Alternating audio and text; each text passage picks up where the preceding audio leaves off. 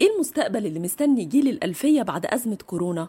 وإيه هي الحلول المتاحة قدامه عشان يحقق أكبر قدر من الاستقرار الاقتصادي في السنين اللي جاية؟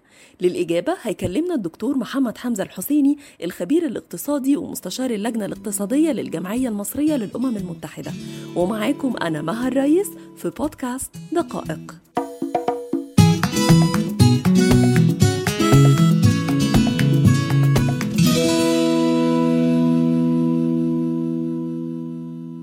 لو جينا نتكلم عن جيل الميلينيالز أو جيل الألفية بشكل خاص اللي هم من مواليد أوائل الثمانينات لمنتصف التسعينات أو بداية الألفينات.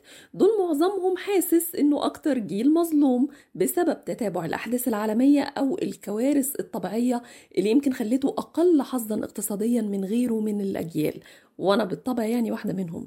فنعمل إيه بقى؟ يعني هل نكمل مثلا في وظائفنا المضمونة لحد ما نعدي الأزمة ولا الأفضل نستغل الوقت ده في بداية مشروع خاص؟ اعملوا زي ما الهنود عملوا. الهنود عملوا حاجة اسمها Make in India أكتر من 18 مليون شاب كانوا بيعملوا في وظائف. الناس دي عملوا أفكار startups وفي ناس جمعت مبالغ مالية من بعضهم وعملوا ال project وفي ناس راحت خدت تمويل من الدولة. ال startup community حضرتك هو هيبقى رسالة النجاة للخروج من أزمة الاقتصاد العالمي في الكساد الكامل اللي هتبقى من شهر 6 2020 لشهر 3 21 يعني إيه؟ إحنا جيلنا ده عنده كمية أفكار غير طبيعية وأفكار قوية وإحنا كلنا في ال technology solutions الحمد لله عندنا ال knowledge الكافية اللي نقدر ن compete عندنا ال digital market نقدر إن إحنا نوصل أي project و product إحنا نقدر نشتغل عليه بنفسنا ون compete بيه في السوق المحلي وبعد كده في ال international market 80 مليون واحد خسروا وظائفهم بس في ثلاث شهور من بداية أزمة الكورونا. وده مش عشان أصحاب الشركات ظلمة لأ لأن ده الطبيعي هو هيعمل إيه هو إنتاجه وقف. هقف أنا وأقول أنا حظي وحش ومش عارف أعمل إيه وأنا مستني دعم الدولة ومستني أشوف فرصة جديدة في القطاع الخاص مش هتلاقي. إيه القطاعات اللي حضرتك شايف أو تنصح الجيل ده بالتوجه ليها واللي أدائها أفضل في مواجهة الجائحة الحالية؟ هو قطاع ال technology وقطاع التصنيع. بصي حضرتك يعني إيه technology solutions يعني أي حاجة فيها تسويق أي حاجة فيها marketing أنا بشوف ال needs السوق دلوقتي ال community بتاعي دلوقتي إيه اللي محتاجه؟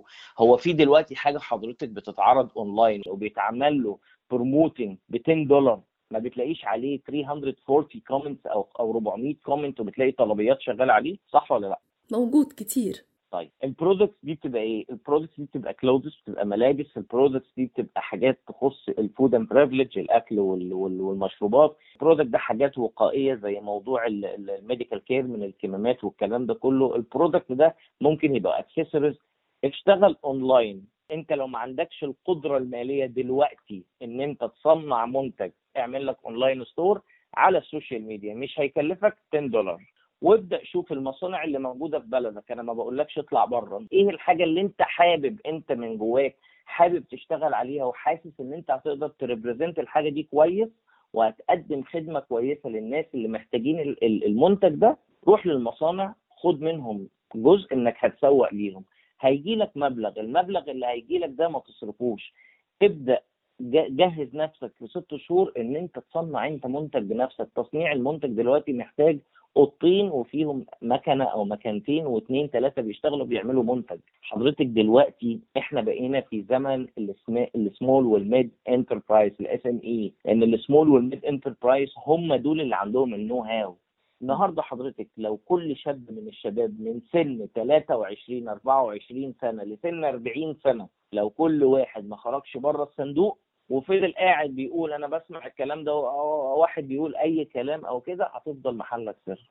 مش يا دكتور أي مشروع ليه نسبة مخاطر إيه اللي يضمن لنا إنها مش أعلى الأيام دي بسبب الأحداث العالمية؟ إحنا بنتكلم في 50% ريسك لاين لأن ال 50% دي based على ال feasibility study اللي أي حد هيعملها. دراسة السوق اللي حضرتك بتتكلمي عليها أنت دارسة السوق بتاعك من أي وجهة؟ وهل أنت دارسة سوقك صح ولا تسرعتي في حاجة؟ في التوقيت اللي إحنا فيه ده مفيش عندي غير قطاع الأغذية القطاع الطبي قطاع التصنيع القطاع الخاص بالإجراءات الاحترازية القطاع الخاص بالتسويق والتجارة الإلكترونية. لو متمثلة في أي حاجة كان الناس بتشتريها من المحلات المحلات دلوقتي بقت قافلة في كل المولات فأصبحت دي كلها اونلاين أي حد بيعمل store فيه products محترمة بيشتغل. فما فيش فيها risk line التجارة الإلكترونية. بل بالعكس هي زادت بنسبة دلوقتي ما آخر تقرير كان طالع من شعبة التجارة الإلكترونية لاتحاد غرف التجارة والصناعة 38% من بداية الكورونا. طيب لو حد قرر يبدأ مشروع يعمل إيه في خطوات مبسطة؟ وإيه التكلفة التقريبية لبدء مشروع؟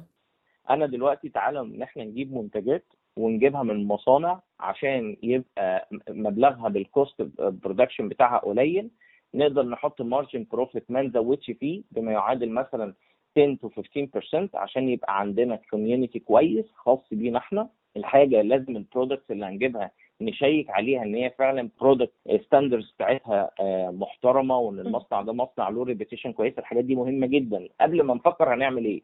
رحنا جبنا مثلا 10 منتجات. ال 10 منتجات دول لازم يبقى عندنا مكان مثلا خلينا نقول هو شقة إحنا مستأجرينها مثلا ب 2000 جنيه.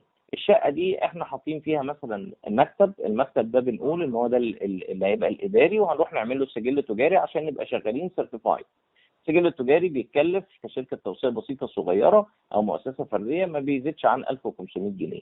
خلاص أنا كده عملت ال- المكتب.